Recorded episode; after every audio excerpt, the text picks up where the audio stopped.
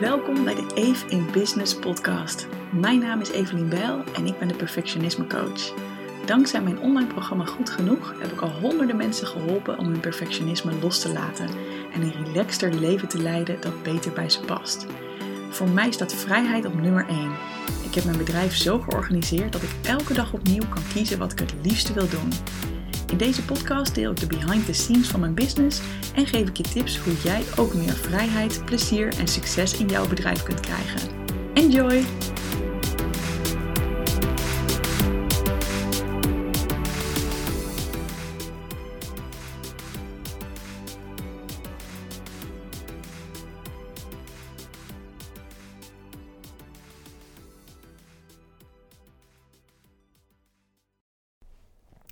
Wat superleuk dat je luistert naar deze speciale aflevering van de Even in Business podcast.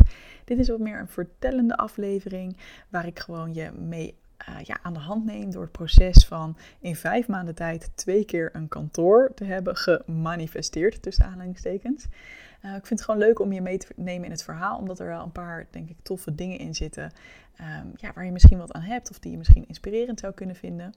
Uh, maar voordat we dat gaan doen, ik heb niet voor niks het woord gemanifesteerd tussen aanhalingstekens gezet. Um, ik ben zelf wel redelijk sceptisch op het woord manifesteren. Um, en ik heb daar ook heel uitgebreid twee podcasts over opgenomen in de Perfectionisme podcast. Dat zijn nummer 91 en nummer 22, uh, 92. Uh, en die gaan helemaal over hoe ik kijk naar de zin en onzin van spiritualiteit. En ook naar de law of attraction. Weet je, is het nou bullshit of werkt het echt? Um, dus als je echt mijn uitgebreide standpunt daarover wilt, uh, wilt horen, dan kun je dus nummer podcast 91 en podcast 92 in de Perfectionisme podcast opzoeken. Um, maar vast een korte, korte samenvatting daarvan ik geloof dat wij als mens best wel veel invloed hebben, dat er veel meer mogelijk is dan we denken. Maar ik ben het niet helemaal eens met de mensen die zeggen dat alles wat er in jouw leven is, is een manifestatie die door jouzelf komt. Of je hebt het allemaal zelf gecreëerd of aangetrokken. Nee, want er is ook gewoon heel veel onrecht en ongelijkheid in de wereld waar je helemaal niet per se zelf voor hebt gekozen of hebt gezorgd. Um, dus daarom zeg ik ook, hè, gemanifesteerd, die twee kantoren. Ja, tuurlijk Evelien, maar ten eerste, het was ook gewoon corona, waardoor er ook gewoon veel dingen leeg staan, denk ik, meer dan misschien anders. Uh, plus, het is ook gewoon een kwestie van heb je genoeg geld en, uh, en dat soort dingen. En misschien nog wel andere privileges, zoals dat ik wit ben, uh, dat ik hoog opgeleid ben. Um, weet je wel, dat ik, dat ik daardoor goed een mailtje kan typen en betrouwbaar overkom voor mensen. Um, ja, weet je, ik heb heel veel privileges die natuurlijk. Um, die ook maken dat het voor mij makkelijker is om bepaalde dingen voor elkaar te krijgen dan voor anderen. Dus ik wil het allemaal heus niet aan mijn eigen magische krachten wijten. Wijden. Dat vind ik altijd zo moeilijk. Wijden, denk ik. Wijten? Wijten. ik heb ook altijd dat ik dan. Ik ben echt best wel goed met spelling en zo. Maar bij eh, de EI of de lange I, nou, dat gaat nog wel eens dat ik denk. Want dat hoor je ook niet echt, dat verschil. Nou goed, DT's hoor je ook niet, maar die hoor ik dan weer wel in mijn hoofd meestal. Dus. Anyway, ik neem je graag mee in het verhaal hoe ik in vijf maanden tijd twee keer een nieuw kantoor heb geregeld. Uh, en allereerst even de geschiedenis. Um, ik werk eigenlijk al jaren vanuit huis. Dat heb ik jarenlang gedaan. Uh, en dat vond ik ook hele lange tijd heel prima. Want voor mijn werk heb ik eigenlijk alleen een laptop nodig. Dus ja, in principe kan ik overal werken. En zou ik ook lekker in het buitenland kunnen werken. Uh, dat is overigens ook het plan. Want waarschijnlijk ga ik in september twee weken met Sander naar Berlijn toe. Als een soort van workation. Dus dat we dan lekker en een beetje gaan werken. En gaan genieten van, van daar zijn. En uh, weet je, dat thuiswerken vond ik ook hartstikke fijn, want ik heb uh, hiervoor jarenlang bij NS gewerkt en ik haatte het werkelijk waar om op kantoor te werken. Echt, ik ken weinig mensen die dat zo erg vinden als ik. Ugh, het idee dat je ergens naartoe moet op een bepaald moment. Ugh, echt de rillingen lopen over mijn lijf. Uh, kijk, als ik nu een keer een afspraak heb, vind ik het leuk, hè? daar gaat het niet om. Maar het idee dat je bijvoorbeeld elke dag van 9 tot 5 ergens moet zijn. En dan elke keer dezelfde mensen moet zien. En überhaupt mensen om je heen de hele dag. Nou, echt hoor, mijn collega's waren hartstikke aardig, daar gaat het niet om. Maar de prikkels die je op zo'n dag binnenkrijgt, de afleiding, de geluiden, alles wat je meekrijgt. Ja, ik vond het verschrikkelijk. En um, dus hè, zodra het ook kon, ik had op een gegeven moment een baan waarbij ik lekker veel kon thuiswerken. Nou, deed ik dat ook heel graag. Ik deed niks liever dan dat. Ehm, dus toen ik helemaal voor mezelf begon, dat was begin 2018, toen voelde ik ook van, oh heerlijk, gewoon lekker je bed uit kunnen rollen, hoe laat je maar wil of hoe vroeg je ook wil. Je haar niet hoeven kammen, meteen kunnen gaan werken en creëren als je daar zin in hebt, maar ook juist lekker rustig aan kunnen opstarten zonder dat er iemand meekijkt en daar misschien een oordeel over heeft. Oh, die vrijheid vond ik echt helemaal top en vind ik nog steeds top. En op een gegeven moment dacht ik wel van, oh, misschien is het ook leuk om hè, toch iets van een kantoor of zo te hebben. Of misschien met andere mensen. Dus toen heb ik een tijdje, ik denk een half jaar ongeveer, uh, in een flexwerkkantoor gewerkt. Op een hele mooie plek uh, in de binnenstad van Leiden. Dat heette het Stadslokaal. Um, en dat was dan, kon ik gewoon voor twee dagen in de week betaalde ik dan. En dan mocht ik zelf kiezen wanneer ik daarheen ging. En dan zat je gewoon in een ruimte met anderen. Um, en dat was op zich, uh, ik was heel blij dat ik daarheen mocht. Het was namelijk een hele mooie plek. Het was heel goed verzorgd. De mensen waren ook leuk, de andere ondernemers. Allemaal een beetje, ja, ik wou zeggen allemaal jong. Dat was helemaal niet per se waar. Maar er zat een leuke diversiteit in. Allemaal verschillende achtergronden. Maar ik liep eigenlijk gewoon al heel snel weer aan tegen hetzelfde. Waar ik ook in mijn kantoortijd tegenaan was gelopen. Toen ik nog in loondienst was. Die andere mensen waren er wel altijd als ik daar was. En die waren helemaal niet luidruchtig of vervelend. Ik had eigenlijk nooit last van ze. Het was meer zo dat ik dacht, ja shit, ehm, voor mijn werk, ik, in die tijd had ik nog veel ook één op één gesprekken. Dus moest ik dan zoomen hè, via Zoom of bellen. Of ik wilde een podcast opnemen of een video. Hè, of op Instagram even wat stories maken. Ja, dat is gewoon niet helemaal ideaal als er altijd andere mensen in de ruimte zitten.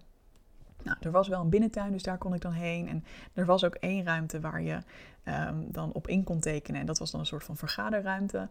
Uh, maar ja, alleen al het feit dat je daarop moest intekenen, dus dat je ook mis kon grijpen of dat er iemand per ongeluk dan toch midden in jouw gesprek binnen kon komen. Ja, dat vond ik toch niet fijn. De akoestiek vond ik ook niet zo top daar. Daar ben ik blijkbaar heel gevoelig voor.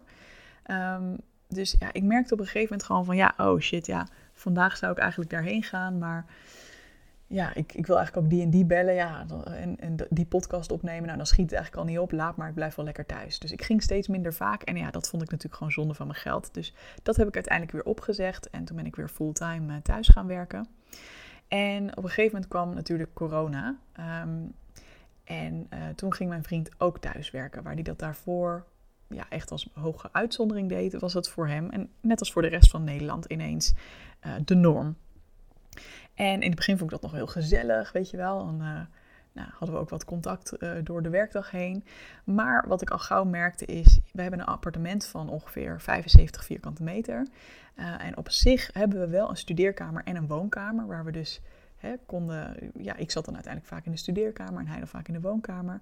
Maar ik voelde toch van, ja shit, als ik dan de woonkamer inloop om even een boterham te smeren... en hij is daar net uh, in een meeting. Ja, hij vond dat nooit zo erg, maar ik voelde me dan toch een beetje opgelaten. Um, ja, en dus ik begon mezelf ook gewoon iets minder vrij te voelen. En iets wat ik al een tijd lang graag deed was um, uh, ja, dat ik ook regelmatig een paar nachtjes wegging. Bijvoorbeeld even naar een hotel of naar een pipowagen. En ik merkte hoe fijn ik het dan vond om even helemaal in mijn eigen energie te zijn. En met niemand anders rekening te hoeven houden. En het was helemaal niet dat we nou uh, extreem veel ruzie hadden hoor. Maar gewoon, ik, ik voelde gewoon, ah, ik, ik wil weg. Ik wil een soort van vrij zijn en even helemaal met mezelf kunnen zijn. Dus op een gegeven moment ben ik al een beetje meer gaan rondkijken en me al wat op, op wat dingen gaan inschrijven van uh, met name tijdelijke verhuur, hè, dus leegstandsbeheer en zo. Um, en ik, ik, keek al wat rond op sites, maar ja, ik zag nog nooit echt iets wat echt paste. Want ik wilde ten eerste per se in het centrum van Leiden zitten. Omdat ik woon in het centrum van Leiden. En ik wist, ja, als het veel verder weg is dan dat, ja, dan, dan ken ik mezelf gewoon. Dan ga ik daar niet heen. Of misschien hooguit één keer per week. En dat is ook zonde voor een heel eigen kantoor. Nou, ik wist dus ook dat ik niet nog een keer een flexwerkruimte wilde, maar echt mijn eigen plek. En omdat het ook voor het eerst was dat ik zoiets deed, wilde ik ook dat het niet al te duur was. Ik vond het ook nog best een beetje spannend, zo'n investering. Uh, ik dacht, ja, wat als ik ineens uh, minder omzet heb en dan kan ik het niet meer betalen. En uh, nou, dat zat allemaal in mijn hoofd. Dus ik had in mijn hoofd van, ja, liefst echt wel maximaal 500 euro per maand. Um, en om daar ook een voorbeeld van te geven van dingen die ik tegenkwam. Ik zag een hele mooie folder voor een pand op het Rapenburg. Ja, ja, daar komen we later nog op terug. Um, waar ik echt wel enthousiast van werd. Maar ja, de, de huur van de kleinste ruimte daar was al 550 euro zonder servicekosten. Dus daar zou nog wat bovenop komen. En toen voelde dat echt nog van nee, dat vind ik echt een te grote en te spannende stap. Dus ik vertelde ook een beetje aan mensen wat ik wilde. Nou, ik wil graag een kantoor voor mij alleen in het centrum van Leiden, niet meer dan 500 euro. Ehm, en uh, er zeiden ook echt mensen tegen mij van ja, weet je, dat wil iedereen wel, dat gaat je nooit lukken. Ehm, en ik dacht ook van, nou ja, misschien, uh, misschien is het ook niet te doen. En uh, ja, ik, op een gegeven moment was ik er ook gewoon niet meer zo actief mee bezig.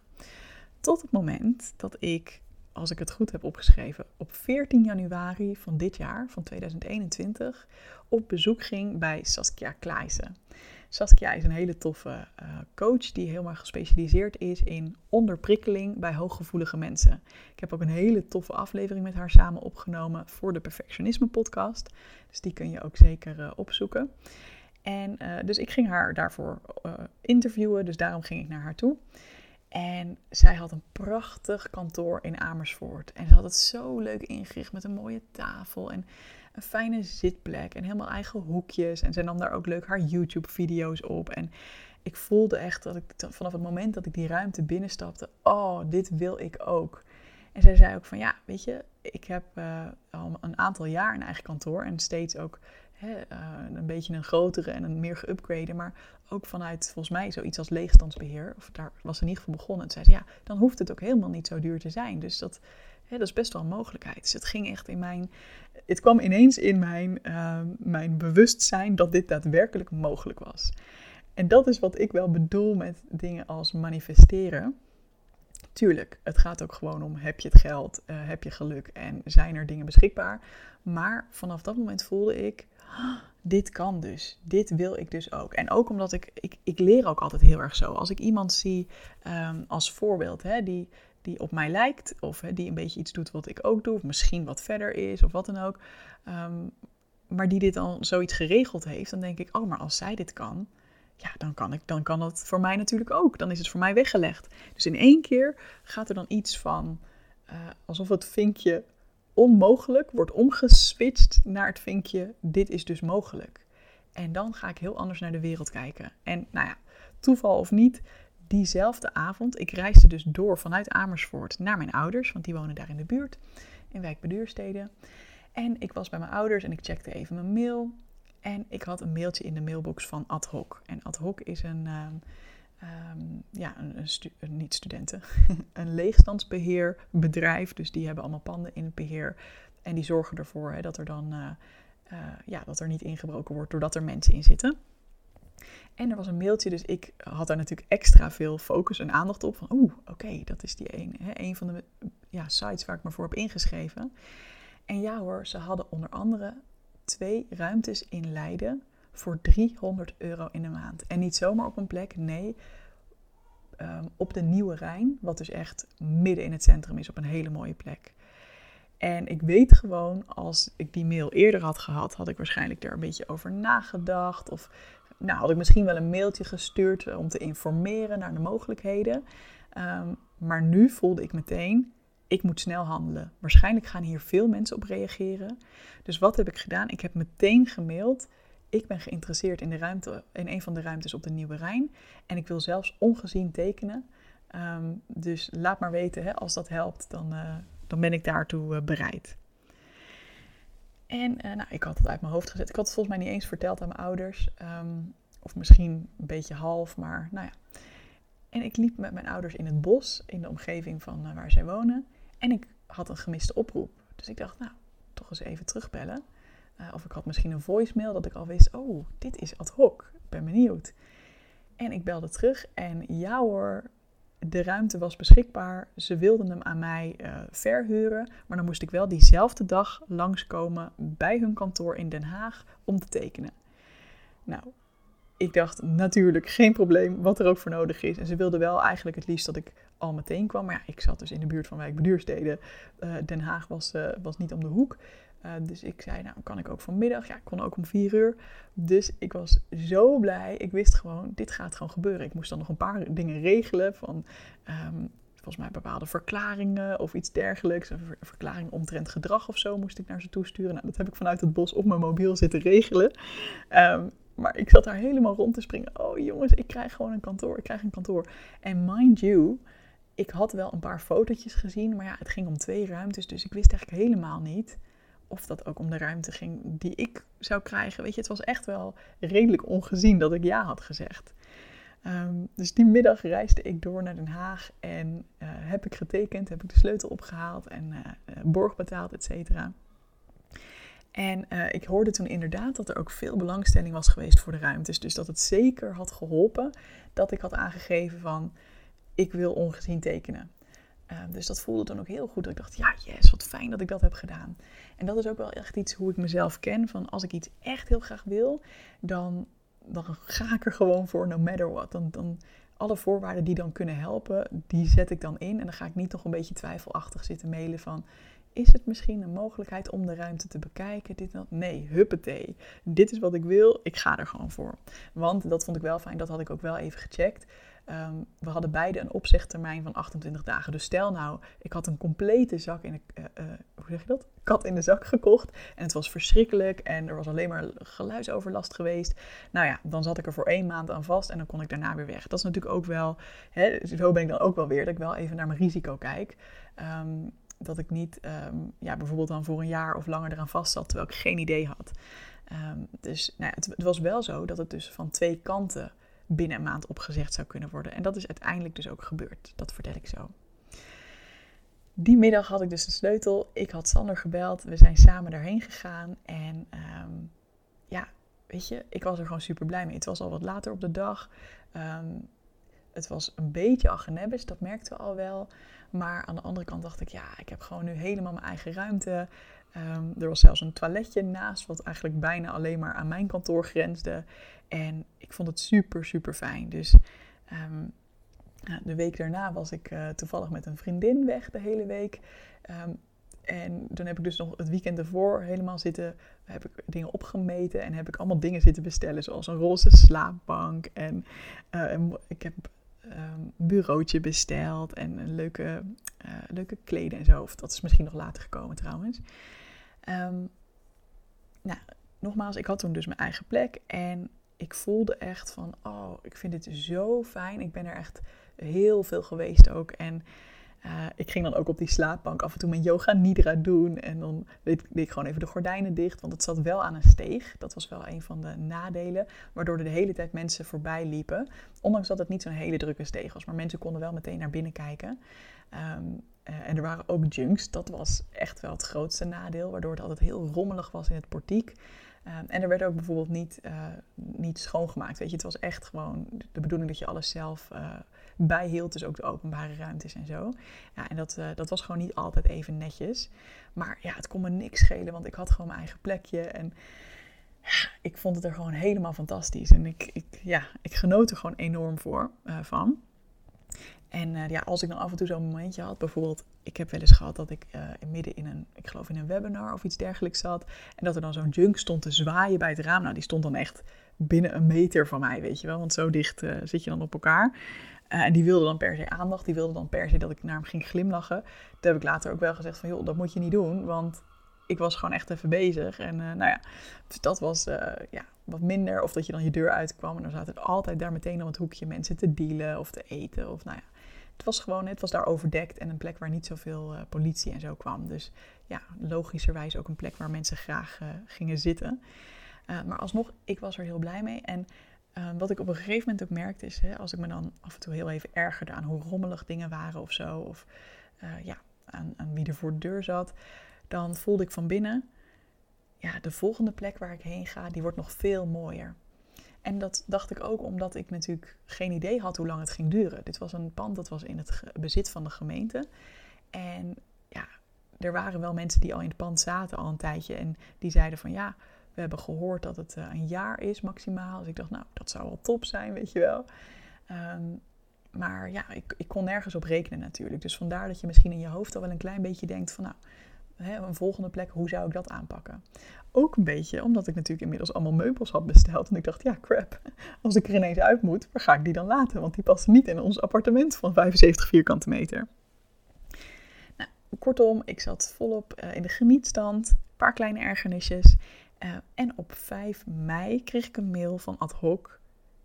Helaas, we gaan jouw ruimte opzeggen en per 2 juni moet je hieruit. En toen was ik wel even in shock. Ik dacht, oh, dat is wel ietsje sneller dan ik had gehoopt. Ehm, en ik had ook even contact met de andere mensen die ook in dat pand zaten. En ik was letterlijk de enige die uh, dit had. Dus ik voelde me ook nog even een soort van genaaid. Want ik dacht, oh, dat is dan wel jammer dat het met mij alleen is. En toch eigenlijk al heel snel, eigenlijk al wel binnen een paar minuten voelde ik ook, dit gaat alleen nog maar toffer en beter worden. Dit gaat alleen nog maar iets coolers opleveren. En ik, ik voelde wel van, ik hoop wel dat ik iets vind, want ik moest er dus echt binnen die maand uit. Ehm, maar ik dacht wel, ja, dit is ook wel weer een kans, weet je wel. Hoor je trouwens ondertussen de mail, Dat is echt, ik krijg dat ook wel eens terug van mensen die mijn podcast luisteren. Uh, of als ik aan het bellen ben, of mensen zeggen: Oh wauw, ik hoor gewoon een meeuw op de achtergrond. Ja, in Leiden hebben we echt een enorme meeuwenplaag. Dus die, uh, die hoor je vaak wel. En uh, nou goed, dus eigenlijk binnen een paar minuten kon ik al dat gevoel van: Ah oh, nee, ik moet hier uit. Wat erg en wat balen. En hoe ga ik in godsnaam binnen een maand iets nieuws vinden en verhuizen? En nou ja, binnen een, een paar minuten ging ik van dat een beetje slachtofferige gevoel naar holy shit, this is gonna be so freaking awesome. Ook al weet ik nog niet hoe het gaat lopen, ik vertrouwde daar gewoon heel erg op.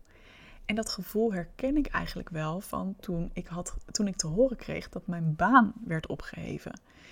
ik heb dus bij NS gewerkt jarenlang. En ehm, ja, ik was al wel een beetje begonnen voor mezelf te coachen on the side. Maar ik was er eigenlijk nog helemaal niet aan toe, dacht ik, om voor mezelf te beginnen fulltime. Nee, dat, als ik dat überhaupt al ooit voor me zag, uh, dan was ik daar nog lang niet aan toe. En toen kreeg ik het nieuws, ja, jammer joh, uh, deze hele afdeling wordt opgeheven. Dus ja, ofwel je kan nog kijken of er iets binnen NS is, maar anders is het gewoon uh, einde verhaal. Maar wel met een, een goede regeling en zo. Dus um, ook daar voelde ik dat ik eigenlijk binnen een paar uur ging van, oh nee, dit komt veel te vroeg. Dit is, oh, waarom wordt dit me aangedaan? Naar, holy shit, dit gaat echt een fucking mooie kans opleveren. En dit wordt echt fantastisch. Dus ja, dit, dit past ook wel een beetje bij mij. Hè? Niet bij de pakken neer gaan zitten, maar huppa, we gaan ervoor. We maken er nog iets veel toffers van. Um, toch een klein beetje dat idee van uh, als er een, een, raam ergens sluit, dan gaat er ergens anders een deur open of andersom, weet je wel. Uh, daarbij wil ik wel aantekenen dat het natuurlijk wel heel belangrijk is om ook ruimte te maken voor de emoties van rouw en van angst en van onzekerheid. Hè, ik bedoel, zeker bij uh, toen mijn baan werd opgegeven, heb ik dat eh, echt ook allemaal gevoeld in het half jaar daarna. Ook omdat het nog best wel lang duurde voordat het duidelijk werd hoe het allemaal zou gaan lopen. Maar alsnog voelde ik dus ergens intuïtief, ja, de dingen gaan alleen maar mooier worden uiteindelijk. Nou, ik ben dus meteen uh, online gegaan. Ik heb weer gezocht op huurruimtes in het centrum. Uh, ik heb ook meteen wat bezichtigingen gepland. En toen ik er even niet mee bezig was, dacht ik ineens: hey, ik had ook een foldertje van het Rapenburg in mijn mailbox gekregen een tijdje geleden. Hè, toen ik dus voor dat eerste uh, kantoor op zoek was. Zou daar misschien nog iets vrij zijn? Dus ik belde die makelaars op en ja, daar was nog steeds een ruimte vrij. Uh, nog steeds diegene van 550 euro. Wat ik inmiddels dacht, ja, nu ben ik ook een beetje gegroeid in mijn onderneming. En ook ik heb gewoon gemerkt dat ik um, het heel belangrijk vind. En dat ik zo'n kantoor echt toegevoegde waarde vind hebben. Ik ga er ook echt daadwerkelijk naartoe. Dus nu voelde ineens 550 euro exclusief servicekosten. Uh, maar voelde ineens als veel haalbaarder. Terwijl toen ik voor het eerst die drempel over moest, dacht ik überhaupt van ja, maar ja, ga ik er dan wel naartoe? Want hè, bij, dat, bij die flexplekruimte was ik er uiteindelijk helemaal niet meer heen gegaan. En dan vind ik het wel zonde van het geld, weet je wel. Um, dus ik had uiteindelijk op uh, maandag 10 mei, op woensdag 12 mei en op vrijdag 14 mei bezichtigingen. Um, en die maandag en woensdag waren bij andere plekken en vrijdag was dan dus op het Rapenburg. En ik voelde maandag en woensdag ook al van ja, het was op zich prima en ik ging er best wel rationeel mee om. Ik stelde allemaal vragen. Hoe zit dit? Hoe zit dat? Uh, kan dit geregeld worden? Dat waren allemaal prima vragen. Maar ik merkte ook dat het in mijn hoofd echt een soort rationeel proces was van voor's en tegens tegen elkaar afstrepen. Um, en ik keek al de hele tijd uit naar vrijdag, want dan zou ik naar het gaan. En voor wie het niet kent of voor wie Leiden niet goed kent, uh, ja, dat is gewoon een van de mooiste grachten in het centrum van Leiden. Dus echt een beetje een, een chique plek uh, waar veel van die prachtige, ja, noem je dat herenhuizen, ik denk het, uh, aan staan. En ja, het is gewoon super fancy, super centraal. Echt ongeveer mooier gaat het niet worden. Um, dus het moment van de afspraak brak aan. Ik kwam mijn fietsje aan En er was zo'n prachtige, ja, zo'n zo'n mooi klein trapje, weet je wel, naar twee van die grote deuren. Het was een prachtig, statig, monumentaal pand. Tenminste, ik denk dat het monumentaal is, maar misschien, ja, het is in ieder geval oud. en de deur werd voor me open gedaan door de makelaar. En we kwamen in een marmeren gang terecht. En ik dacht, wow, dit is wel gaaf. Dit is wel echt op stand. Nou, vervolgens gingen we de volgende deur open en daar zag je al meteen de binnentuin. Prachtig, dus daar hebben we volgens mij eerst gekeken. Heel mooi, heel beschut. Je zit midden in het centrum van Leiden. Met allemaal hè, met groen om je heen, met bomen om je heen. En het is hier eigenlijk heel erg stil. En toen gingen we naar de kantoorruimte kijken. En die grensde ook met de tuindeuren aan die binnentuin. Ehm, dus ja, dat was natuurlijk helemaal te gek. En ik kwam ook hier binnen en ik zeg al hier, dus dit is natuurlijk de enorme spoiler. Dat werd er natuurlijk, dat voel je al lang aankomen. de deur ging hier open en ik kwam binnen en ik voelde meteen, wow, wat is het hier fijn. Want de huidige huurder had er echt heel mooi geverfd en had heel mooi behang opgehangen. Een beetje donker behang. En het voelde echt als een soort van warme kokon. Ehm, ja, er, is ook, uh, er zijn ook dakramen en dus openslaande deuren, maar geen ramen aan de zijkanten. Dus ja, je zit ook heel lekker beschut, maar je hebt toch wel genoeg licht. En ja, weet je, alles klopte gewoon helemaal. Dus ik voelde, ik wil echt alles op alles zetten om dit te krijgen. Maar de huidige persoon die erin zat, had nog 2,5 jaar lang een huurcontract. Dus eigenlijk wilde zij graag dat ik het voor 2,5 jaar minimaal zou overnemen. En dan kon ik natuurlijk meteen uh, haar hele huurcontract overnemen. Dan was zij ervan af. En ik voelde, hoe fantastisch ik het ook vind. En ik wil er morgen in, letterlijk. Um, toch vind ik die 2,5 jaar een beetje lang. Omdat ik nog niet weet hoe lang Sander en ik ook nog in Leiden blijven wonen. Ehm, er was namelijk een tijdje, uh, in die tijd ook nog, sprake van dat wij uh, op termijn met vrienden in het groen zouden gaan wonen. Hè, met z'n allen op een bepaald erf, hè, aan erfdelen doen. Um, dat is inmiddels uh, ja, op een wat lager pitje gezet, omdat verschillende mensen toch weer andere plannen hebben nu. Maar ja, ik dacht ook van ja, als ik dan 2,5 jaar lang aan een kantoor vastzit, dan zet dat me ook wel heel erg vast. Maar ik dacht, ja, ik vind het zo mooi, dus uh, ja, kan er iets anders. En ik heb dat gewoon neergelegd. Hè. Die makelaar uh, die me dat liet zien, um, die begreep dat ook wel. Dus die begon eigenlijk uit, uit zichzelf. En dat was wel heel tof. Hij zei, het is dus voor 2,5 jaar. Want ik vroeg, is het een minimale huurtermijn? Ja, 2,5 jaar. Toen zei ik, oh ja, oh ja, dat is wel echt een stuk langer dan ik had gehoopt. Stilte. Dus ik liet even een stilte vallen. En toen begon hij ook te praten met, uh, ja, nou, misschien is er wel wat mogelijk in onderhuur met de huidige persoon. Ja, waar denk je dan zelf aan qua termijn? Ik zei, nou, ik had zelf meer gedacht aan een jaar of uh, hè, maximaal anderhalf jaar. Dus toen zei ik, nou, weet je, ik overleg dat wel even met de huidige huurder. Um, en ik hoopte, want ik dacht een beetje uit het gesprek op te maken dat ze er al wel een tijdje van af wilde. En um, ja, dus ik, hè, dat het ook wel snel zou kunnen gaan. Dus ik hoopte eigenlijk die vrijdag nog wat te horen. Dus ik had al mijn ouders gebeld en Sander en een paar vriendinnen. En ik zei, oh, dit is zo mooi. Ik hoop echt dat ik het krijg. Uh, maar die vrijdag hoorde ik niks meer. Dat weekend hoorde ik niks. Maandag niks, dinsdag niks. En ik begon echt een beetje. Ik had toch wel een keer gemaild ook van, oh, wanneer kan ik wat verwachten? En nou, dat was dan in eerste instantie misschien wel maandag, maar nou, het werd toch nog wat later. Dus ik begon een beetje, dat gevoel ken je misschien wel, dat je dan een beetje wanhopig wordt van, ah, dit moet echt lukken. Ja, we zaten inmiddels ook alweer in de derde week van mei en 2 juni moest ik uit mijn kantoor. Dus het was ook niet voor niks dat ik dat voelde. Uh, maar wat ik ook voelde is, ja, ik heb nu echt al mijn hoop hierop gevestigd. Ook omdat ik dus echt snel verder moet. Um, en ja, ik had nog wel bedacht dat ik als backup optie zou kunnen doen dat ik mijn spullen zou laten opslaan. Hè, dus mijn kantoorspullen uh, in, een, uh, in een opslagbox ergens. Nou, dat bleek ook allemaal wel mogelijk. Alleen ik voelde van ja, ik wil niet zonder kantoor zitten. En ja, ik kwam er echt een beetje krampachtig in te zitten, merkte ik. Ik zat de hele tijd te checken. Heb ik al wat gehoord? Ben ik al gebeld? Ben ik al gemaild? Ik moet dit krijgen. Ik moet dit krijgen. Dit moet lukken. Nou, misschien ken je dat gevoel ook wel. En op een gegeven moment merkte ik, ja, volgens mij die energie gaat me sowieso niet helpen. Weet je, uh, nog even los van of je erin gelooft dat dat niet de goede energie is om iets voor elkaar te krijgen. Ik dacht, het is sowieso niet relaxed voor mezelf. Dus toen ben ik gewoon even gaan zitten met mijn dagboek en heb ik opgeschreven: Oké, ik voel dat ik hier heel erg attached ben aan de uit uitkomst. Hè? Dus heel erg ja, dat ik het heel graag op één bepaalde manier wil en anders is het niet goed. Maar wat nou als ik het even van de andere kant bekijk?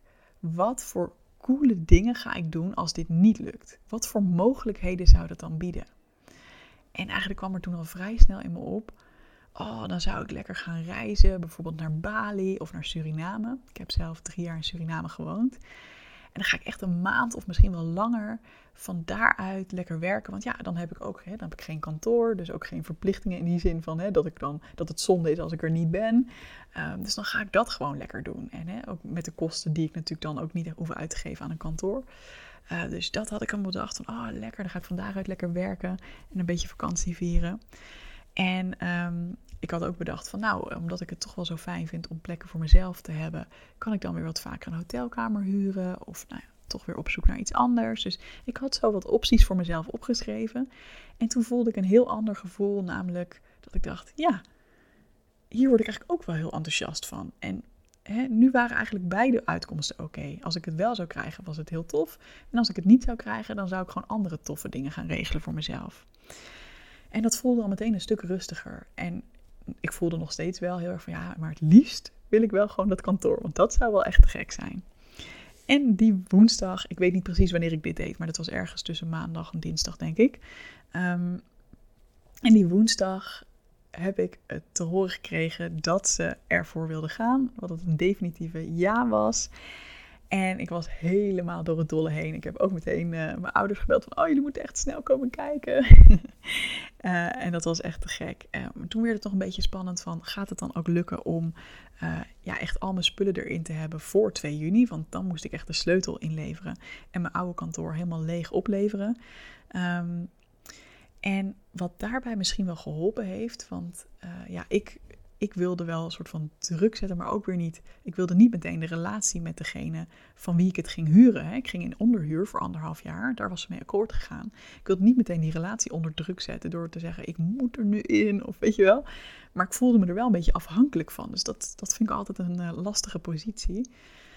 Dus um, ik maakte gewoon heel duidelijk van hè, waarom uh, voor mij snelheid heel belangrijk was. En uh, ja, dat ik het liefst ook niet dan pas 1 juni erin wilde. Want ja, dan, uh, ik wilde ook gewoon mijn andere kantoor nog, uh, nog lekker kunnen um, ja, leegmaken. Plus ik dacht ook van ja, als ik. Dit was een veel grotere ruimte dan de ruimte waar ik hiervoor in zat. Dus ik dacht, ja, misschien moet ik nog wel extra meubels aanschaffen of zo. En dat vind ik dan ook fijn om te kunnen doen als ik er al in zit. In plaats van, ja, dat ik dat zeg maar allemaal overhaast moet gaan doen. Ik weet niet. Ik had gewoon, uh, ik, ik heb gewoon uitgelegd waarom ik er graag snel in wilde. En dat begreep ze op zich wel. Maar ze zei ook van ja, er staan ook nog wat spullen in. Zoals een prachtige tafel met visgraatmotief. Uh, met zes mooie stoelen erbij. En twee mooie kastjes en zo. En um, ze zei van ja, die zijn ter overname. En toen voelde ik al wel een beetje van ja, als ik. Uh, ik vond ze gelukkig ook heel mooi. Dus ik wilde ze ook graag hebben. En ik dacht ook van ja, als ik daar nu zelf makkelijk in ben, hè, dus bijvoorbeeld met de prijs accepteren die zij ervoor wil hebben, dan kan zij die spullen gewoon laten staan. Ze hoeft alleen nog maar één bankje dan weg te laten halen. Dan maak ik het voor haar ook makkelijker om op die manier sneller ja te zeggen tegen eerder de sleutel aan mij geven en eerder het opleveren. dus dat heb ik ook zo genoemd van ze had een bepaald bedrag genoemd wat ze wilde hebben ervoor. Nou, ik vond het best veel geld, maar ik dacht, ik ga er niet moeilijk over doen. Dus ik zei van, joh, ik wil daar best wel mee akkoord gaan als we het dan hè, inderdaad voor elkaar krijgen dat ik op die en die datum uh, erin kan. En daar ging ze akkoord mee. Dus uiteindelijk uh, kreeg ik op 24 mei de sleutel. En ook daarvan, dit is eigenlijk weer zo'n vergelijkbare les als um, uit mijn eerste kantoor dat als ik echt iets heel graag wil, dus in dit geval snel in die mooie nieuwe ruimte, dan moet ik kijken van oké, dus dat is voor mij het allerbelangrijkste. Dan kan ik niet op alle punten mijn poot stijf gaan houden en op alle punten keihard gaan onderhandelen bijvoorbeeld uh, in, die eerste, uh, in het geval van het eerste kantoor had ik geen onderhandelingspositie om te zeggen, nou ik wil eerst de ruimte even bekijken en dan wil ik er nog eens over nadenken. Nee, daar was tijd, snel uh, beslissen en al toezeggen voor ik de ruimte had gezien. Dat was daar de factor die ik kon inbrengen om het voor de andere partij zo aantrekkelijk mogelijk te maken om ja te zeggen. En hier bij die tweede ruimte was dat dus, oké, ze vraagt wel een, uh, ja, vind ik best flink bedrag voor uh, die spullen. Ik denk overigens een heel realistisch bedrag hoor, maar nou, misschien in een andere situatie had ik nog uh, geprobeerd te onderhandelen daarover. En nu zei ik gewoon helemaal goed, je hebt er ook heel veel liefde in gestopt om het hier zo mooi te maken. Ze zat er zelf nog niet eens zo lang in. Um, helemaal goed, doe ik dat als we dan hè, op mijn punt van dat ik er dan snel in kan, als we daar dan elkaar op tegemoet kunnen komen.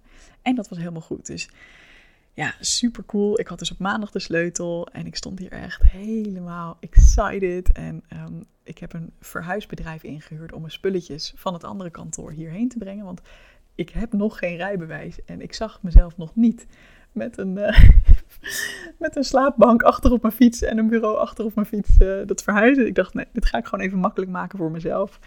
Um, dus ik had alle tijd om een andere kantoor netjes achter te laten, de gordijnen weg te halen, et cetera. Uh, en de oude weer op te hangen en de sleutel in te leveren. Dus ja, ik ben inmiddels zo blij dat ik hier zit. Het voelt helemaal als thuis. Ik loop zo even de kantoortuin in als ik daar zin in heb. Um, ik, ik kan hier heerlijk aan tafel zitten met een vriendin. En het biedt ook heel veel mogelijkheden die ik hiervoor niet had. Dit is echt een ruimte waarin ik het voor me zie. Als ik ooit uh, klanten, bijvoorbeeld ondernemers, wil gaan ontvangen. Ja, hier kan dat gewoon. Want het is een hele fijne ruimte. Op de vorige plek zou het ook wel kunnen. Maar ja, hier heb ik natuurlijk ook zo'n mooie grote tafel waar we dan aan kunnen zitten. En Um, ja, daar had ik dan meer dat iemand dan gewoon even op een stoel moest zitten. En ja, dat het ook, als je dan naar het toilet ging, dan lag er in één hokje de toiletbril af. En in het andere hokje was ook uh, ja, schoongemaakt omdat ik het had gedaan. Maar weet je wel, dat was een heel andere vibe. En je merkte daar in het wasbakje dat daar gewoon um, ja, al heel lang water op had gedruppeld. Dus er was een beetje zo'n zo'n plek ontstaan. En ja, het was gewoon allemaal een beetje smoetsig. En daar had ik zelf helemaal geen last van. Uh, maar nu ik ook hier zit en dit wordt allemaal netjes schoongehouden. Niet mijn ruimte zelf hoor, maar gewoon de toiletten en uh, het keukentje. En ja, je voelt gewoon, ja, hier, hier stroomt het gewoon nog veel meer. En dat, dat vind ik gewoon wel heel erg fijn. Dus uh, ja, dit is hoe, hoe ik dat heb geregeld. Ik ben heel benieuwd of jij gelooft in manifesteren. Um, en zo ja, wat is iets wat jij ooit hebt gemanifesteerd? Uh, en als je het niet manifesteren noemt, weet je, er zitten ook gewoon dingen in als, ja, ik heb er gewoon geld tegenaan kunnen gooien. Ja, dat is natuurlijk gewoon een luxe. Um, hè? En ik heb ook bepaalde dingen gedaan qua onderhandeling. Dus misschien heb jij daar ook wel leuke ervaringen in. Of neem je daar misschien juist dingen uh, uit mee uit deze podcast. Um, dus dat zou ik ook leuk vinden om van je te horen. Dus laat even wat weten, bijvoorbeeld op Instagram. Uh, daar ben ik even in business. En heel graag tot de volgende podcast. Doei doei!